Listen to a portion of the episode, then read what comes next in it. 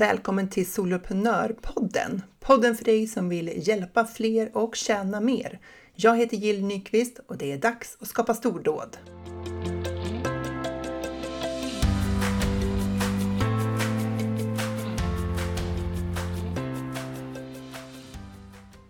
Har du valt en nisch eh, och är den nischen tydlig för dig? Eller är du orolig för att eh, nischa ner dig, för att du oroar dig för att gå miste om kunder? Då är det här avsnittet för dig. Jag får prata med en av mina fantastiska medlemmar i Soloprenörerna, Kiki Westerberg, och hon berättar om sina erfarenheter av det här med att nischa ner. Hon har nämligen testat att jobba brett och sen smalnat av. Vilken annorlunda vecka jag har haft! Jag har välkomnat nya medlemmar i Soloprenörerna. Vi har haft en välkomstträff, superkul! Och sen har jag jobbat med att ta fram en heldagsutbildning i att leda i digital förändring. Och så har jag varit på träff med andra företagare online i vackra Grisslehamn med Malin Hammar Blomvalls eh, membership The Inner Circle. Det var ju fantastiskt trevligt att träffas live och prata i samma lokal fysiskt. För även vi som jobbar online gillar ju att ibland träffas offline, eller hur? Det är ju väldigt inspirerande att prata företagande med andra som håller på med samma sak.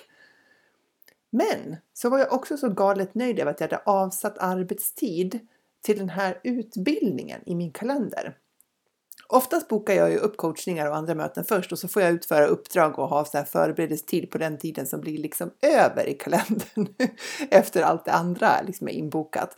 Och nu hade jag gjort tvärtom. Jag hade liksom paxat tid i min egen kalender för det här jobbet eh, och det var ju fantastiskt. skulle man kunna lära sig någonting av för framtiden. Avsätta egen arbetstid för jobbet. Ja, jag vet, det låter helt galet, men eh, det är inte riktigt så jag har prioriterat förut. Men nya tider, mm -hmm. så det ska jag öva på framåt. Avsätta arbetstid för eh, större uppdrag jag ska göra så att jag verkligen kan göra det där eh, på dagtid eh, i min ordinarie arbetstid. Fantastiskt! Men nu är det dags att hoppa in i mitt samtal med Kiki. Idag har jag med mig Kiki Westerberg som är coach och guide på vägen. Eh, Kiki är alltså en coach som coachar coacher till att bli ostoppbara coachentreprenörer. Varmt välkommen till Soloprenörpodden Kiki! Tusen tack Jill! Så kul att ha dig här! Ja!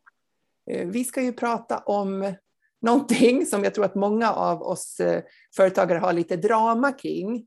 Och det är ju det här med att nischa sig. Mm. Läskigt. För, ja, eh, ofta tycker vi ju att det är läskigt att nischa sig. Och vi känner oss tryggare eh, när vi tänker att jag kan hjälpa alla. Ja jag vill inte liksom välja bort någon och så för att eh, man oroar sig för det och så. Eh, men berätta eh, lite grann mer om din bakgrund. Mm, ja, jag har ju en bakgrund innan jag började jobba online då 2015 så jobbade jag som revisor och redovisningskonsult. Och jag hade, ja, ja, jag hade ett, ett företag då med anställda och flera kontor och så där. Och då kan man väl verkligen säga att vi inte var nischade. För det, för det är en bransch där man inte är nischad överhuvudtaget. Som, som revisor och redovisningskonsult får du ju oftast jobba med precis alla typer av branscher.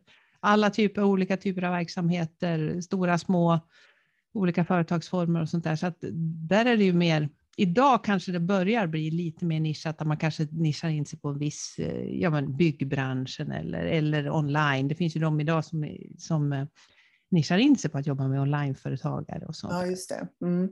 Så, men, men eh, som jag har jobbat, jobbade då i 25 år så, så behövde inte jag nischa mig överhuvudtaget, utan, eh, utan jag jobbade med alla.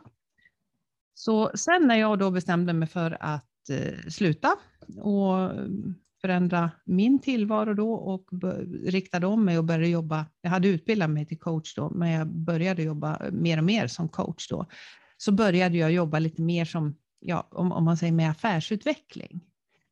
Och så gjorde jag det online. Och då pratade jag till absolut till alla, alla som drev företag. Och det, det, ja, vad säger du om den nischen?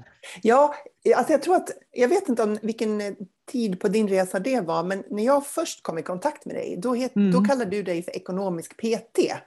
Yes. Och jag köpte ju din bok, vad är det den heter? Mm. Bygg ditt drömföretag. Ja, mm. jag gjorde mm. alla övningar. och det, vilket år kan det ha varit? Kan det vara 2017? 2017 skrev jag den boken, ja. Ja, ja då tror jag att jag köpte den precis när den kom ut. Och, ja, precis. Och då kan jag väl säga att ja, det var hösten 2017 som, som den boken kom ut. Och då kan jag väl säga att då hade jag väl nischat mig lite grann i alla fall. Ja, du hade, kommit, liksom en... kom, hade kommit ett steg till så att jag åtminstone då, då visste att jag pratade lite mer. Jag, jag använde ju lite min bakgrund där då, pratade om både om de hårda mjuka bitarna för, efter att driva företag. Men jag hade ju förstått då att det gick liksom inte att skrika rakt ut till hela världen till alla som dels både ville starta företag och de som redan drev företag. Och, ja, ja, för vad var det liksom, när, du, när du bestämde dig för att du skulle liksom avsluta din eh, redovisningsfirma där, eller att du mm. skulle inte jobba kvar i den och sådär. Mm. Eh, vad, vad, var ditt första erbjudande då, precis när du klev ur det och gick in på vad som skulle bli det nya då? Eh, ja, vad var, jo, mitt första erbjudande det var nog mer att hjälpa eh, att hjälpa entreprenörer att liksom förstå. Jag hade något erbjudande som hette ditt personliga nyckeltal tror jag, eller något sånt där. Ja. Så det var kring ekonomi då, att hjälpa det var liksom företag att förstå ekonomin? Ja, precis. Jag var kvar i den delen då för att det var, jag hade inte kommit på så mycket annat och inte tänkte jag, tänkte det där låg väl ganska nära mig då. Så mm. att, och det hade jag ju egentligen jobbat med eftersom jag hade jobbat med rådgivning då, ja. fast, fast lite bredare då. Så, ja, så då inriktade jag mig egentligen till alla. Sen blev det lite mer till tjänsteföretagare, lite ja. sådär, så att jag liksom ja. pratade med om tjänsteföretagare. Så ja, det har varit en resa det här. Och mm, när du tar upp det här med boken, för när jag då fick det här bokkontraktet i, och jag fick det i början av 2017, jag skrev den här boken på tre månader. Ja. Det gick väldigt, väldigt fort när jag skrev den här. Eh, då hade jag lika problem då, för då skulle jag helt plötsligt skriva en hel bok. Jag skulle skriva 200 sidor till alla. Jaha. och jag pratade med min redaktör och han sa det. Nej, jag sa, jag, jag vet inte liksom vem jag pratar med. Och då fick jag uppdraget av honom att prata till tre personer. så ja. den här boken är skriven till tre personer. Eh, en person som, vi hade en person i boken som drev en däckfirma alltså en liten, liten firma. Sen hade vi en kvinna som i princip var min, min sits, som liksom hoppade av från sitt gamla jobb och ville starta på nytt och sådär. Och sen hade vi en till person och det var den som ville starta företag. Så de här tre personerna skrev jag boken för. Ja. Och det blev ju liksom ganska brett ändå. Ja. Så att, Fast det var men då hjälpsamma... hade jag i alla fall fokus. Ja, ja, jag kunde ha fokus där. Ja, och det var hjälpsamma övningar. Jag ju, hittade ju den här boken för någon månad sedan nu och så tänkte jag så här, mm. undrar vad jag skrev på de där övningarna egentligen? Mm. ja, det var ju fantastiskt roligt att gå tillbaka och läsa hur jag tänkte 2017 innan jag liksom hade verkligen... Jag, jag, jag eh, blev ju heltidsföretagare mars 2018. Så det var ju liksom mm. innan jag hade klivit ur på, på heltid. Liksom. Um, så att jag tyckte ändå att du gjorde ett bra jobb med, med att uh, Eh, det blev en relevant bok ändå, även om kanske var lite brett. Då. Mm, ja, eh, och eh, jag ville ju prata om lite onlineföretagande då, ja. men det fick jag inte.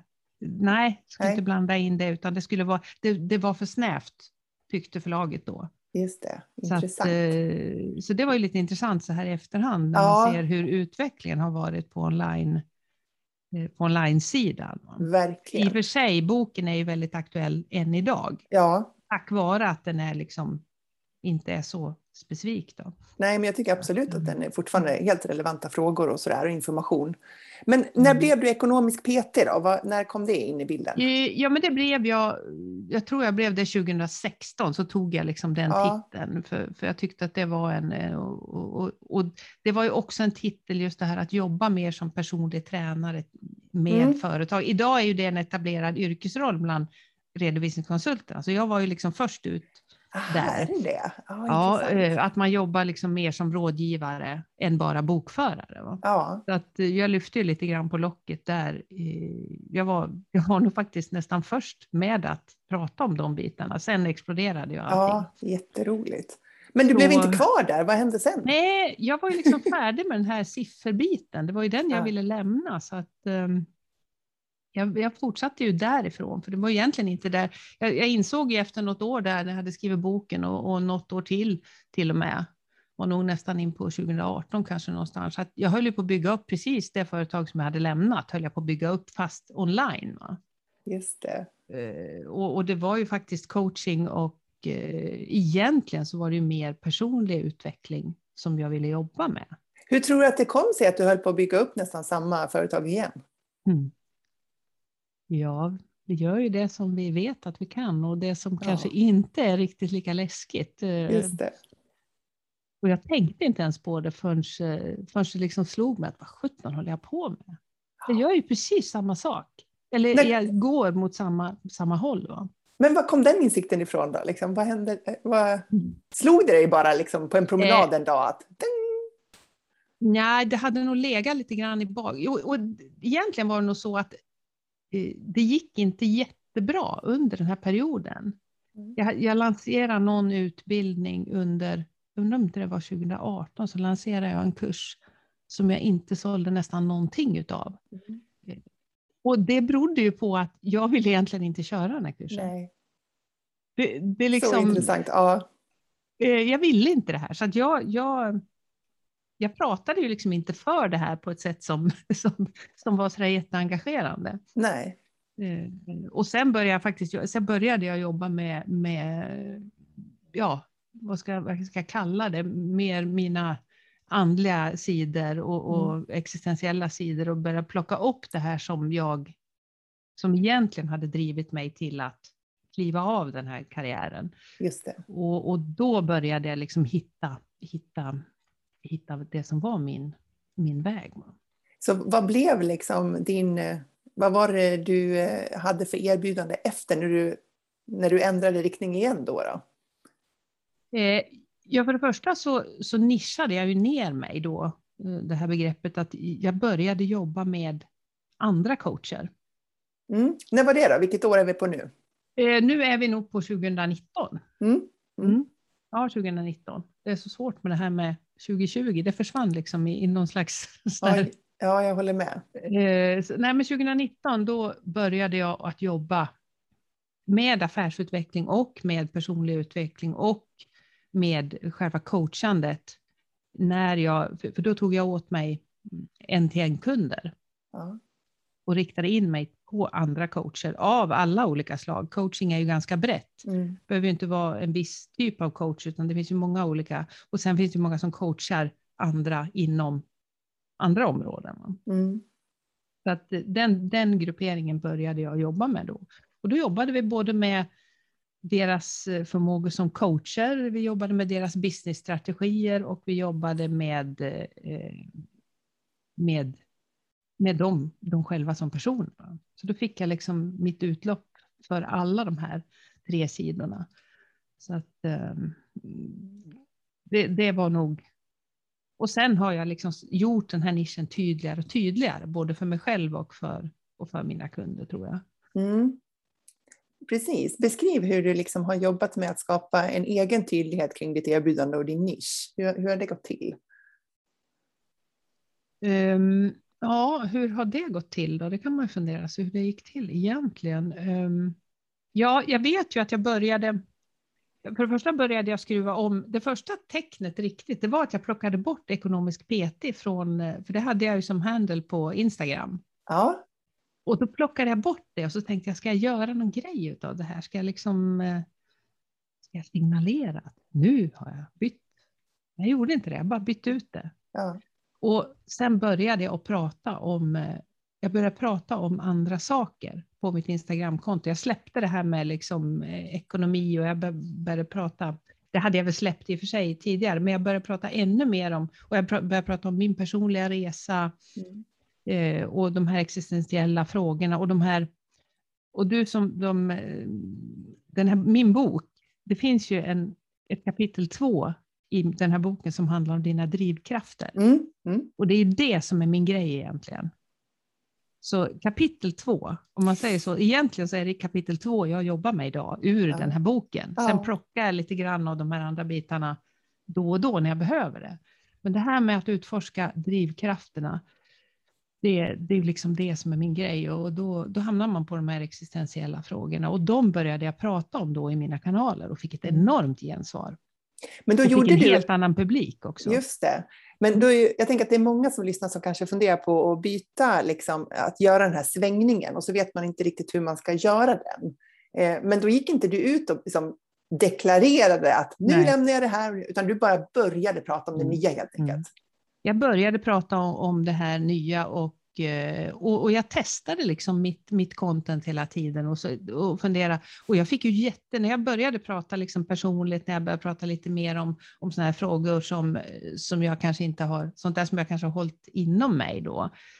Eh, och folk började kommentera och svara och liksom, eh, då förstod jag ju att det här, ja, jag kunde ju faktiskt prata om det här. Eh, för det, det var ju också en, det fanns ju ett behov av det. Och, och, och, ja, så att, um... Ge exempel på en sån, sån fråga som du liksom tog upp då som, som var ny för dig.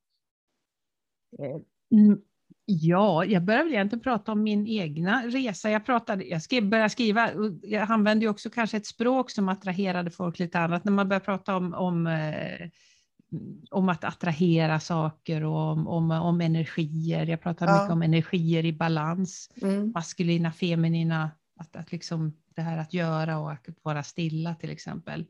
Den typen av, av diskussioner mm. började jag också prata om. Mm. Det där tycker jag ju, jag är ju liksom en, en ordnörd. Jag är ju så mycket mer intresserad av hur saker låter än hur de ser ut. Mm. Jag får mm. jobba lite på mitt intresse för det grafiska. Men, men det är så spännande det som du säger, liksom här, du mm. började använda andra ord och då var det andra människor som lyssnade. Mm. Eh, och det är precis det som händer när vi blir medvetna om vilken, alltså språkets betydelse. Mm. I, I den här resan mot tydlighet. Att Visst. det finns vissa ord som vi släpper. Vi kan till och med göra det medvetet. Vi kan säga att jag ska inte använda den här typen av beskrivningar längre för att det, det leder inte riktigt dit jag vill. Mm. Utan jag ska prata på det här sättet för att det gör att de som jag vill hjälpa och som behöver min hjälp kan hitta mig. Mm. Och, och sen är det ju så, det, jag, jag, är ju utbildad inom NLP, alltså neurolingvistisk programmering, och det är egentligen det som är min coachutbildning. Nu är jag även utbildad tränare då, så att jag kan utbilda och certifiera andra. Och eh, NLP som jag jobbar med då, det handlar ju om, N står ju för hjärnan, eh, våra funktioner i hjärnan och hur vi tänker och hela den biten. Sen har du L som står för lingvistik, det vill säga hur mycket vi kan påverka både oss själva och andra med språket. Mm. Så det är en stor del av, av NLP. Mm. Och sen har vi då P1 som står för programmering, där de flesta tycker att vad då ska vi programmeras? Men mm. det handlar mer om de program och strategier som vi använder oss av för att ta oss från A till B. Mm. Alltså de här automatiska tankarna och lite andra sådana saker. Mm. Och hur vi lägger upp saker, vår väg fram framåt då. Så att eh, just det här med språket är ju, det är spännande och jag tycker också om väldigt mycket om det här med att skriva och använda orden som, mm. som eh, ja. Och det, vi attraherar ju människor, precis som du säger, eh, genom vår, vårt, hur vi säger det och vilka ord vi använder. Ja, och repellerar tänker jag, ja. för vissa gillar ju inte liksom det vi säger också, och det, det är ju som det ska vara då. Mm. Men skulle du säga då att att um, den här klarheten i liksom, den här nischen nu som du nu fortfarande är kvar i, som du har landat i, coach för mm. coacher, liksom, mm. att det var någonting som växte fram den tydligheten vartefter du gjorde inlägg och du pratade om det här, du pratade med andra och liksom så här, gjorde erbjudanden. Liksom, var det en successiv liksom, tydlighet eller hur gick det? Eh, nej, jag tror inte det, utan för det var nog egentligen för ett och ett halvt år sedan eh, drygt när jag, jag hade anmält mig till den sista utbildningen i NLP, den här som innebär att jag blev lärare. Jag är mm. lä, tränare, det betyder att man är lärare då i. Eh, då, då satte jag den här långsiktiga planen då att starta mm. min egen eh, coachutbildning. Mm. Så den har jag liksom haft som en långsiktig plan ända sedan dess. Mm. Och då hade jag ju redan börjat jobba med coacherna så att eh, jag har ett långsiktigt mål med det jag gör. Mm. Och, eh, men jag tror ändå att jag nischar mig mer och mer ändå mm. hela tiden. Mm. I, och, och i, framförallt kanske då i det man ser utåt, sociala medier. Mm. Vad, eh, Vad är din erfarenhet nu då? Är, är, det, är det bra för oss att nischa oss? Framförallt så är det enklare. På vilket sätt? Att prata till, det blir så mycket mer eh, relevant. Tycker jag. Eh, om man nu ska prata ur om man ska prata ur konverterings... Liksom, man kan prata till en större grupp och göra det himla mysigt och trevligt och att folk trivs där. Men vi ska ju faktiskt sälja också. Och då blir det lättare att erbjuda saker om om man är nischad. Och jag kan ju titta på mig själv när jag tittar på, när jag liksom har nördat in på någonting. Just nu har jag nördat in lite grann på det här med human design. Jag gör ju det på lite olika grejer sådär. Och då, då letar jag på konton och jag letar på folk som bara pratar om det som jag är intresserad av. Ja. Och det spelar ingen roll vad det här gäller. Det, det finns ju många olika grejer. När man väl får för sig att nu vill, jag, nu vill jag lära mig allt om det här. Då vill jag ju läsa om det här. Och inte om någonting annat. Mm. Så jag tror att det är... Jag tror inte det är så. Jag tror att det för, för mig har det funkat bra i alla fall. Jag vet inte. Mm. Nej, men jag tänker om, om man, det är precis som du säger, om man är ute efter någon med en viss kompetens mm. och så stöter man på någon som har den kompetensen, men de pratar också om tre andra stora områden. Mm. Då försvinner ju den här delen som jag var intresserad av i mängden och jag kanske hittar mm. någon annan som är mycket tydligare i det mm. avseendet och då fastnar jag där istället. Um, och, och jag, sen, ja, jag tänker för mitt område i alla fall, jag, jag jag har ju delat in, även om jag jobbar då med coacher, jag coachar ju coacher, så har jag tre områden i mitt företag. Jag jobbar alltså med, med personen som coach, du som coach kallar jag det. Och sen mm. jobbar jag med coaching som business. Mm. Och då ingår det ju lite strategier och, och, och, att driva en coaching business. Och sen pratar jag om coaching som teknik. Mm. Och då pratar jag, så att det är ganska brett ändå, trots att det kan tyckas liksom smalt. Så finns mm. det ju jättemycket att prata om inom den här nischen. Mm. Det, det, är bra att du säger det, för att det tror jag faktiskt gäller i princip alla nischer.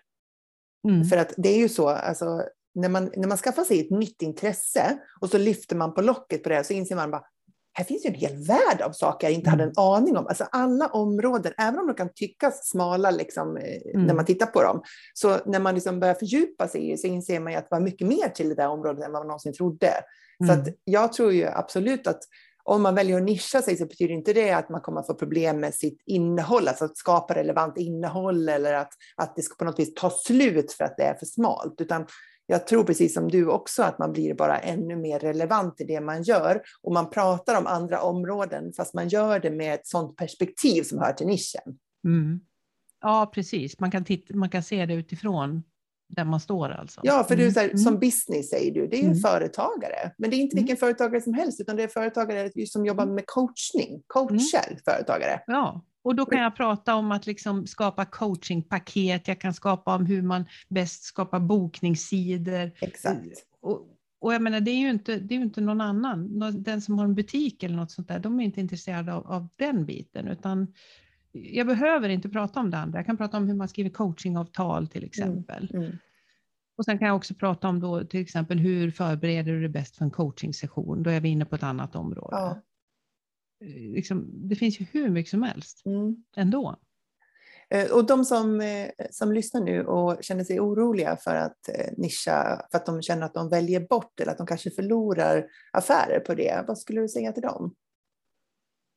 Nej, jag upplever nog att det är tvärtom. Att det är lättare då att, ja, men att erbjuda sina tjänster till de som faktiskt är genuint intresserade av, av det som vi gör. Mm.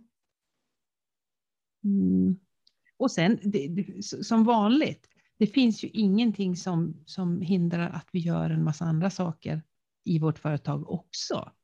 Jag har ju också, jag har, men jag har lite andra uppdrag. Jag är moderator ibland och jag håller lite andra typer ja. av utbildningar. Men det är ingenting som jag marknadsför, utan det är, det är uppdrag som jag har ändå.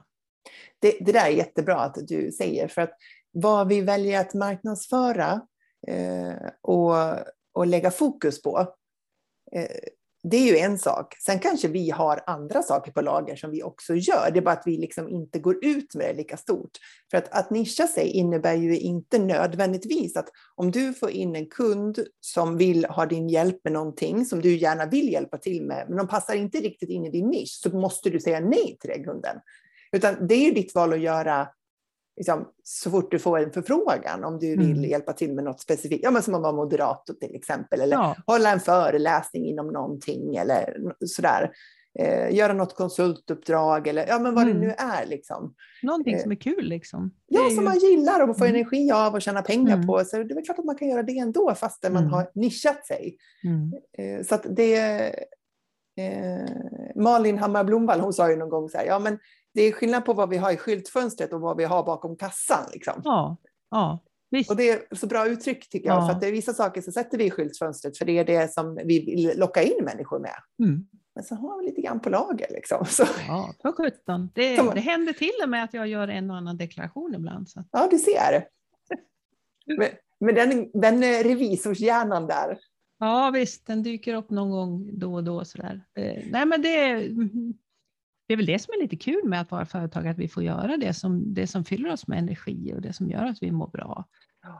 Så, ehm, men sen kan man väl tycka att man kan förenkla lite grann för sig själv med att nischa sig genom att, eh,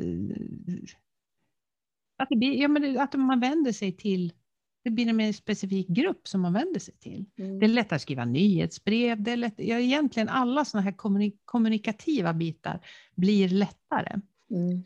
Och, och, kan man sen då också hitta en ram kring det som, när vi nu pratar språk, att hitta en ram kring det vi pratar om så att folk känner igen sig, så att när de liksom kommer in i vårt, vårt universum liksom, så börjar de känna igen sig att det här och det här och det här och det här står jag för, det här och det här, det här pratar jag om. Mm. Då blir det också ännu tydligare. Eh, om du beskriver liksom eh, hur du hjälper till idag, vad har du för olika delar i ditt företag då? Om du tänker på de här liksom nischade delarna.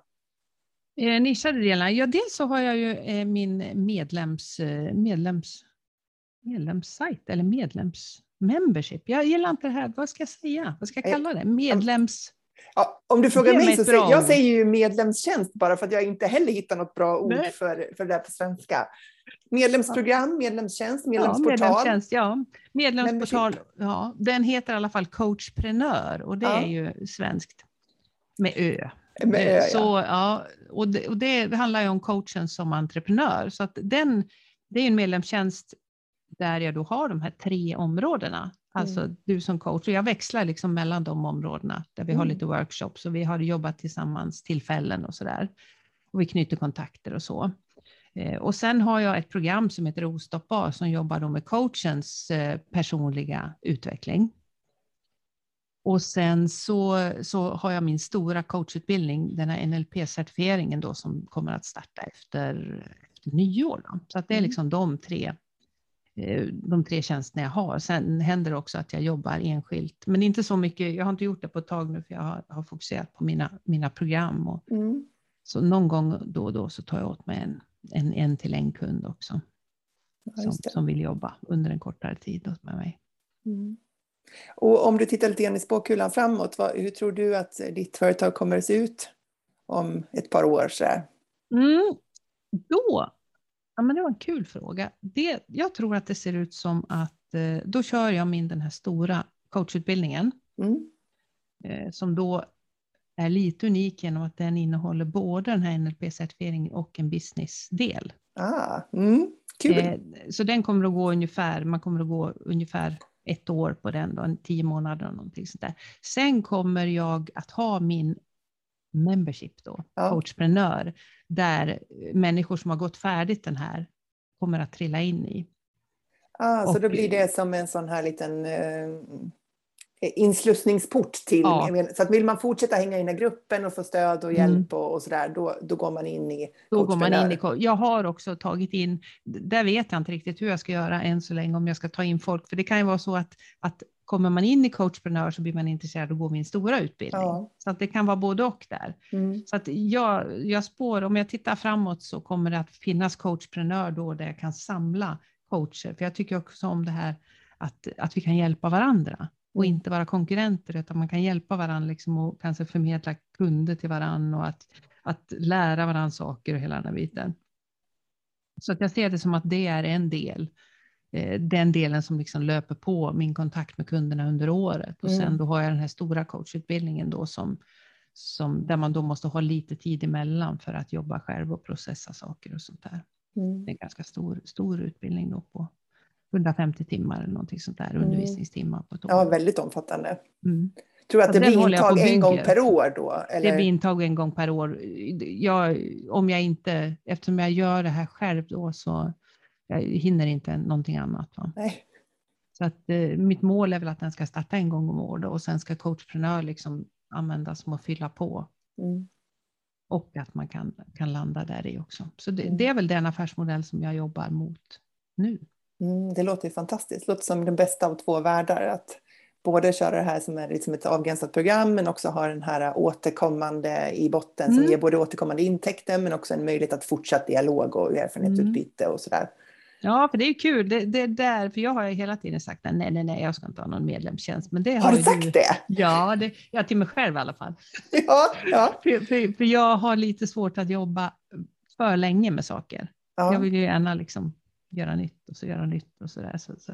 Men, men nu har jag ju kört coachprenör sedan i våras då, när jag körde ja. igång det, bara, bara öppna upp det och jag byggde en ny portal och lite sådana här saker, så bara släppte jag in ett gäng för sa nu ska vi testa hur det här funkar och det funkar jättebra.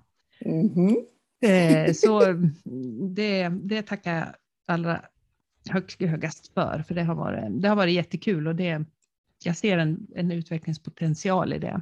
Ja. Ja, vad roligt att du säger det. Mm. Jag visste faktiskt inte att du har varit tveksam innan, liksom, innan du startade. Det är klart att inget är ju för alla. Och man, ibland är det ju så att man måste testa och så upptäcker man antingen att det här var bättre än vad jag trodde eller det här var inte vad jag trodde att det skulle mm. vara. Det kan ju gå åt vilket håll. Liksom. Ja, Ja, det har mest med det här med just det här med nyfikenheten, men jag har ju liksom fått lärt mig bra av dig just det här att liksom bara, för jag vill gärna överleverera, så det var jag lite rädd för. Mm. Att jag liksom skulle vräka på för mycket. Mm. Eh, och, och, och, att liksom innehållet skulle ta slut. Va? Mm. Så att, eh, men genom att vi jobbar med de här tre fokusområdena nu och så tar vi en liten bit ur dem hela tiden och så rullar de. Då blir mm. det alldeles lagom. Mm. Så eh, jag är, jag är jättenöjd med den, den modellen. Mm, vad roligt att höra. Väldigt kul. Um, ja, men det här var ju superspännande samtal och jag tänker att det är precis många som, som brottas med den här tanken om att nischa ner och, och våga, våga inte och vad skulle fördelarna vara. Kan du se några nackdelar innan vi avslutar?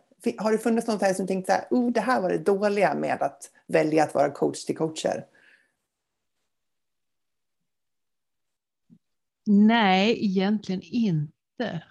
Uh, nej, jag kan inte, nej, för mig har det nog inte varit någon nackdel överhuvudtaget, utan uh, jag uh, det skulle vara att man inte kan då skriva något sånt där hejsan hoppsan inlägg om, om vad som helst.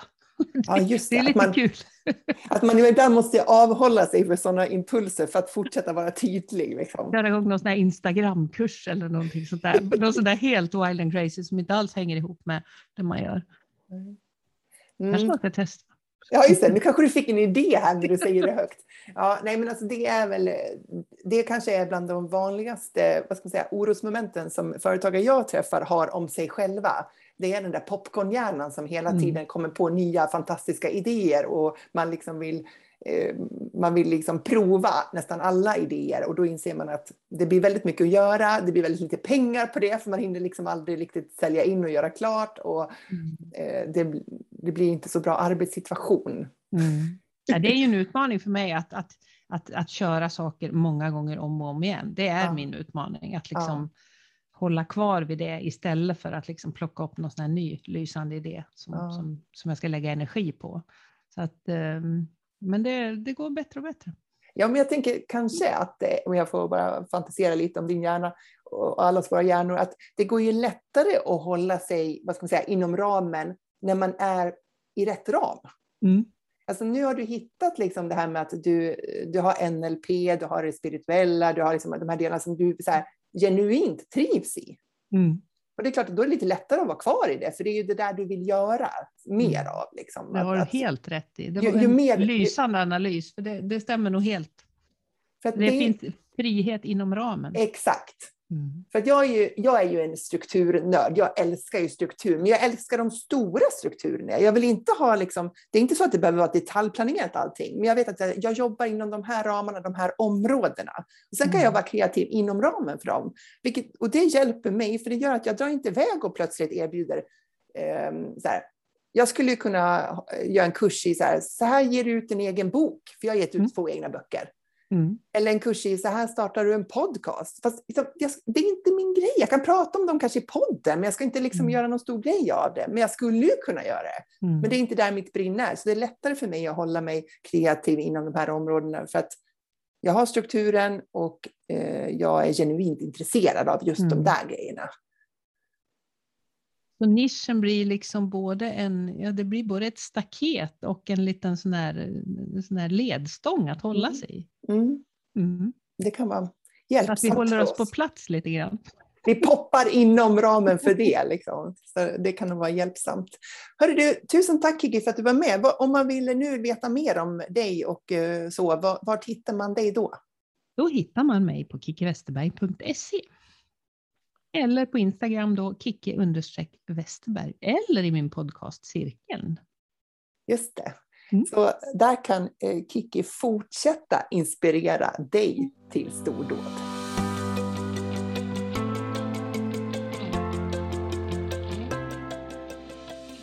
Stort, stort tack för att du lyssnar på Soloprenörpodden. Jag är så glad att ha dig här. Och har du inte gjort det så tryck gärna på prenumerationsknappen och ta gärna en skärmdump på det här avsnittet och eh, lägg upp det i en story på Instagram så att vi kan hjälpas åt att tillsammans sprida Soloprenörpodden till fler taggade soloprenörer som vill göra stordåd online. Tusen tack!